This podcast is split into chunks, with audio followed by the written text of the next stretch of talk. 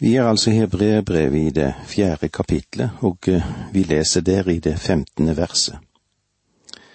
For vi har ikke en øverste prest som ikke kan ha medlidenhet med oss i vår svakhet, men en som er prøvet i alt på samme måte som vi, men uten synd. Dog uten synd, som det heter i den gamle oversettelsen. Det er godt å vite at han som er vår ypperste prest, han er prøvd i alt. Og det vil si alt det som bærer av det vi har i oss av menneskelige skrøpeligheter. Du vet at vår arvelige skrøpeligheter som omfatter både vårt legemlige svakhet og det intellektuelle, det religiøse, og det som også har med de moralske sider av vår natur. I denne likhet med oss er det det godt å vite at det er en grunnleggende ulikhet mellom ypperstepresten og oss, uten synd. Vi kommer opp i fristelser. Jesus var i fristelser. Ja, han hadde det på samme måte som den første Adam men det var noe spesielt med Jesus, han var uten synd. Fristelsen, hvis vi ser på den, så er ikke den noe galt i seg sjøl, men det er resultatene av dette. Som Adam var Jesus det fullkomne syndfrie mennesket, og han åpenbarte på jorden det gudsbildet som mennesket var skapt i. Jesus, han ble virkelig fristet. Det var av fri vilje den første Adam falt i tvil på Guds ord og Guds gode vilje. Det var av fri vilje Jesus seiret der Adam falt. Så kunne da vår ypperste prest under sjelekampen til blodet si av hele sitt hjerte, ikke som jeg vil, men som du vil. Og det er godt for oss at det var sånn. Og fordi han er slik, derfor får han når han ser oss i vår situasjon, virkelig føler med oss. Vi kan komme dit med tomme hender, og så er det godt at vi kan få lov å tre frem for nådens trone, at vi kan få lov til å være der. La oss se litt tilbake på dette verset 15. For vi har ikke en øverste prest som ikke kan ha medlidenhet med oss i vår svakhet. Har du av og til tenkt på hvordan det var med israelsfolket, og hvordan de hadde det når deres øverste prest døde? Altså når Aron døde. Og på mange måter har det hatt en større betydning enn Mose død. Aron var jo øverstepresten deres. Og mange av israelittene var vokst opp sammen med Aron. De hadde lekt sammen med ham da han var en liten gutt, og de hadde gått gjennom ørkenen sammen med han. Og de kunne gå til Aron og si, Hør, Aron, jeg gjorde dette og dette, men eh, skulle ikke ha gjort det. Jeg har brakt mitt offer. Og Aron kunne sympatisere med den, med den enkelte av de som var der. Han visste nøyaktig hvordan de kjente det men da Aron døde, kan jeg bare tenke meg at de undret på om den nye presten, Arons sønn, ville han forstå de på samme måte? Var han i stand til å sympatisere med dem og gi dem hjelp? Vi, du og jeg, vi har en stor øverste prest som alltid er tilgjengelig, og han forstår oss. Han forstår oss ikke bare teoretisk, men han forstår oss her nede fordi han blir prøvd, og han har medlidenhet med oss i vår svakhet. Han visste hva det var å sulte. Han visste hva det var å bli berørt av sorg. Du husker Jesus gråt. Han hadde medlidenhet med oss i vår svakhet, men uten synd. Vers 16 La oss derfor med frimodighet tre frem for nådens trone, så vi kan få miskunn og finne nåde som gir hjelp i rette tid. La oss derfor med frimodighet tre frem for nådens trone. Det greske ordet som benyttes for frimodighet, er et interessant ord, parhesia, og det betegner den frihet til å tale som atenerne lovpriste så høyt. De var kanskje de første til å erkjenne at den jevne borger skulle ha frihet til å tale. La oss derfor med frimodighet tre frem for nådens trone. Vi kan tale fritt til den Herre Jesus Kristus. Du er eh, klar over at jeg kan si ting til ham som jeg ikke kan si til deg. Han forstår meg. Han kjenner mine svakheter, så jeg kan like godt si det til ham i stedet for å dra på denne tunge byrden sjøl.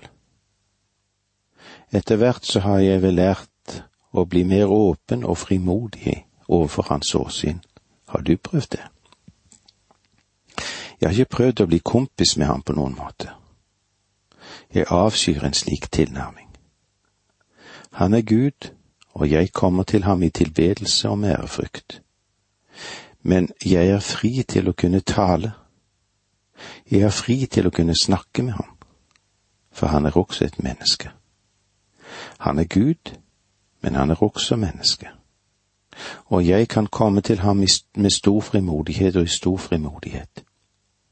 Og jeg kan få lov til å fortelle ham hva som ligger på mitt hjerte. Jeg kan åpne mitt hjerte for ham og derfor behøver jeg heller ikke å pynte på ting, men jeg kan få lov til å fortelle det slik. Det er med meg, og hvordan jeg har det, og jeg kan få lov til å bruke mine egne ord om dette. Dessverre er det vel ofte slik at jeg prøver å dekke over hva som finnes på hjertebunnen hos meg, og bruke en del, skal vi si, fagre Men eh, han gjennomskuer meg kan vi av og til undre oss over at den Herre Jesus skrur oss av, fordi vi ikke kommer til ham med full åpenhet og frihet i det som ligger i vårt hjerte. Kanskje det er en av grunnene til at bønnemøtene ikke er så effektive som de burde være. Det burde være kraftens sentrum, det. Vi kommer til ham temmelig begrenset, og ofte er det vel slik at vi ikke åpner vårt hjerte for ham. For nådens trone. Guds trone er et nådens sted. Tidligere enn dommens trone. Men nå, ja, hva er det nå? Den er nå en nådestol, en nådetrone. Så vi kan få miskunn, og vi trenger masse miskunn, både du og jeg. Hans miskunnhet, barmhjertighet, som fra en side sett er negativ, den taler om fortiden. Vi blir jo forløst ved Guds barmhjertighet. Og han frelser oss ikke på grunn av vår, våre rettferdige gjerninger, men fordi han er barmhjertig, står det i Titus 3.5. Han har vært barmhjertig mot meg. Å finne nåde som gir hjelp i rette tid Hjelp er en positiv ting, det. Det taler om fremtiden. Vi kan få miskunn og finne nåde til hjelp i en tid da vi er i behov av det. I Salme 23 så skriver David det slik, Herren er min hyrde, jeg mangler ingenting. Vi legger merke til at i den norske oversettelsen står det i presens mangler eller slik som det var i den gamle og den andre bibelen som vi har, fattes. Men ordet peker også fremover. Jeg skal ikke mangle. Hvorfor? Fordi Herren er min hyrde. Jeg har en øverste prest der oppe, og jeg kan gå til ham som min hyrde. Får jeg lov til å spørre deg, har du møtt ham i dag? Hva sa du til ham? Sa du at du elsker ham? Bekjente du din synd for ham? Ikke det, hvorfor ikke? Han kjenner jo allerede til den, så hvorfor sier du det ikke til ham da?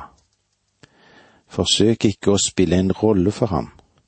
Han vet allerede at du bare kan komme til ham på hans regning. Gå til ham med frimodighet og tal med ham.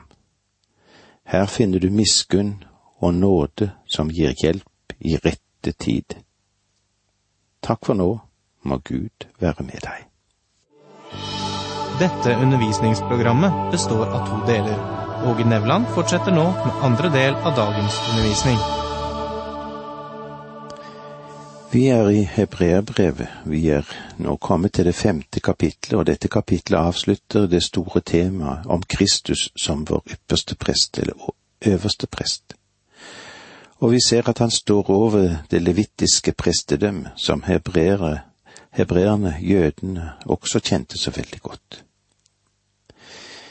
I de første ti versene møter vi en definisjon av en prest Kristus, som allerede har sagt, han har den trefoldige tjeneste som profet, prest og konge. Han er Guds siste ord til mennesket. Gud har sagt alt han ønsker å si oss i Kristus. Som en profet talte han for nærmere 2000 år siden. Og nå er han Guds ord. Det er han som er ordet. Han er presten for en ny generasjon. Han er presten for oss. Og en dag i fremtiden kommer han òg som kongen. Nå er han vår store øverste prest, og vi har adgang til ham. Han er den store øverste presten på samme måte som Aron var den store øverste prest.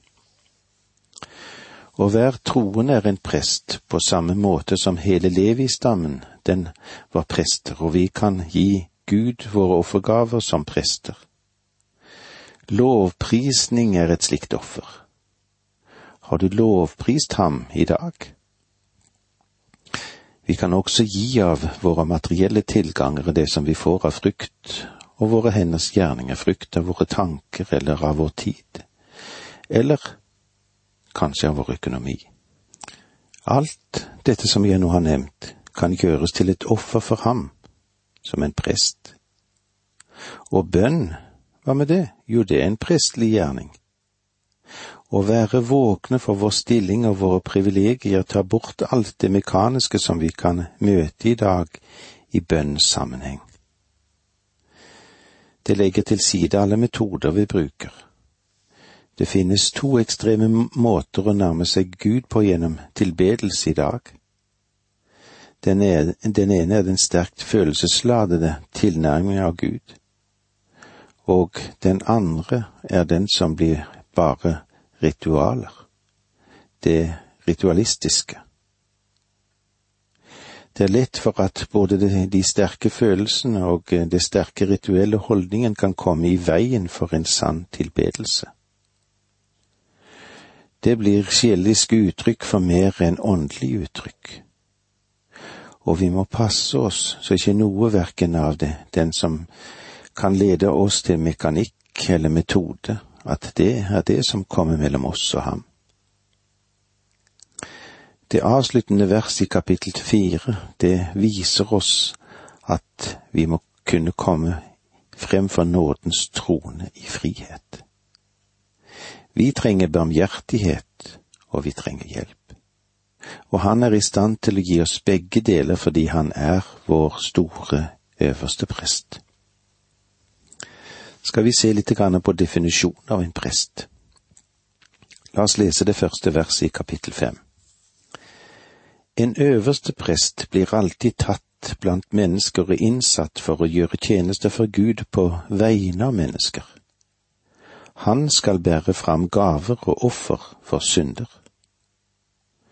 Dette verset gir oss en, en definisjon av en prest. Han må tas blant mennesker. Det betyr at han må være et menneske. Han må være en representant, forstår du. Han representerer mennesket. Men han representerer mennesket for Gud han er ordinært for mennesker i det som angår Gud, fordi han går frem for Guds åsyn. Så må han også være akseptabel for Gud. og det ligger i jordene, innsatt for å gjøre tjeneste for Gud på vegne av mennesker. I vers fire sies det direkte at intet menneske tar denne tjenesten og ære av seg selv, men blir kalt av Gud, slik Aron ble det. Han må ordineres av Gud, og derfor er en prest en tatt blant mennesker, eller tatt ut blant mennesker, og det andre ordinært for mennesker, på vegne av mennesker. Og det tredje området er å gå frem for Gud for mennesker. Nå, vi kan jo trekke en grense mellom en prest og en profet. En prest går fra mennesker til Gud. Han representerer mennesker for Guds åsyn. En profet kommer fra Gud til mennesket med et budskap fra Gud. Derfor fortalte ikke presten i Det gamle testamentet hva Gud hadde å si. Det var profetenes tjeneste.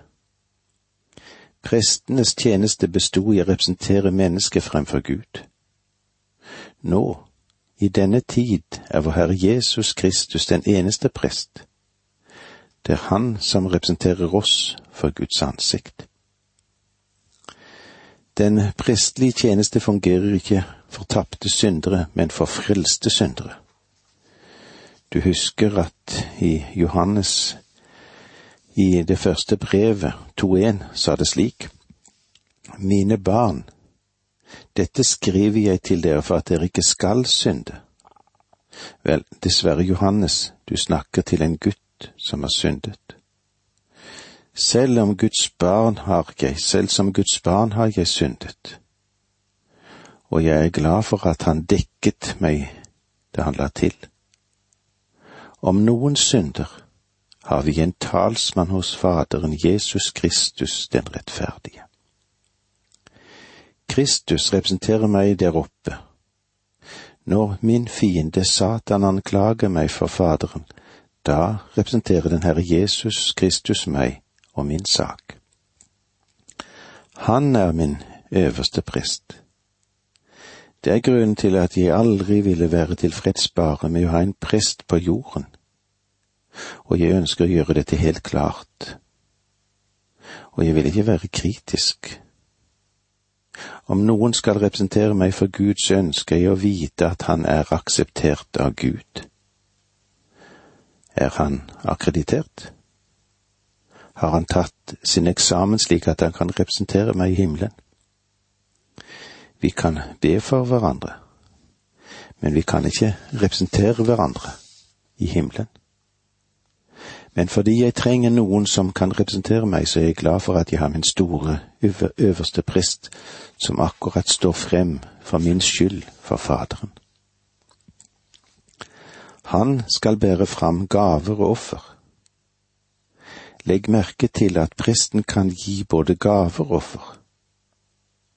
Forfatteren gjør det klart at han hadde noe å ofre. Han ofret seg selv. Sammenlignet med Kristi dyrebare blod som har forløst oss, er sølv og gull som det billigste kram. Han skal bære frem gaver og offer for synder. Legg merke til at det er synder, ikke synd. Det er flertall. Og det taler om den troendes liv, for eksempel da du mistet beherskelsen gikk du da til Gud og bekjente den synden. Du har en representant som er der for å gå i forbønn for deg. Han representerer oss for Guds åsyn. Han kan vise mildhet mot dem som feiler og farer vill, fordi han selv har menneskelig svakhet. Vi har en stor øverste prest som kunne si da han kom til slutten av sin tjeneste på jorden. Hvem av dere kan overbevise meg om synd, som det står i Johannes 8, 46? Jesu disipler hadde vært sammen med ham i tre år, og om det hadde vært noen å sette, noe å sette fingeren på, så ville de ha visst om det. Han var uangripelig. Han gjorde ingen synd og likevel er det slik at fordi han levde på jorden som menneske, så forstår han oss. Han kjenner oss ut og inn. Han kan vise medlidenhet mot dem som feiler. Og hva betyr det? Mildhet mot dem som feiler. Henviser det til likegyldighetens synd, det du ikke oppfatter. I tredje Mosebok, i det fjerde kapitlet, vers 1 og 2, sier litt om disse synder, om slike synder. Om du ikke tror at du har begått noen synd de siste dager, og ikke kjenner det som om du har levd på de store høyder, så har jeg en nyhet til deg i dag. Du begår synd som du ikke er klar over, og han, vår store øverste prest, tar hånd om det for oss. Han kan ha mildhet overfor dem som feiler. Vi får alle vill som sauer, som det står i Jesaja 53,6. Gud sammenligner oss med sauer, fordi alle får, alle sauer, går seg vill. Fordi han selv har menneskelig svakhet. Aron hadde sannelig svakheter, men Kristus hadde en følelse av vår svakhet og vår feil. Han vet hvordan vi føler det. Han er den fullkomne mellommann, forstår du. Når vi faller, så går han ikke ned i skitten sammen med oss.